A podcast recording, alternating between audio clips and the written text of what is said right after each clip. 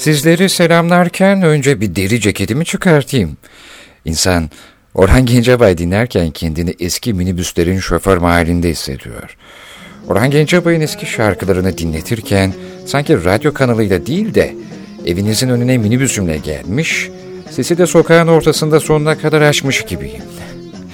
Biraz fazla hayalperest bir açılış oldu galiba. Ama biliyorsunuz ben radyo programlarımda şu açılış konuşmalarını pek de ritüellere uygun yapamıyorum. İsterseniz bir deneyeyim ama merhaba sevgili dinleyenler. Yine sizlerle birlikte olmanın sevincini ve coşkusunu yaşarken tüm dinleyenlerimi selamlıyorum. Bugün sırasıyla plak yıllarından şarkılar dinleyeceğiz. Hmm, fena olmadı aslında. Ama bu benim için daha zor. Hem siz zaten karşılıklı sevgimizi ve hürmetimizi hissediyorsunuz. Benim için klasik bir açılış konuşması yapmak daha zor ama deri ceketimi giyinip kız gibi sevdiğim minibüsümle mahallenizden geçmem daha kolay.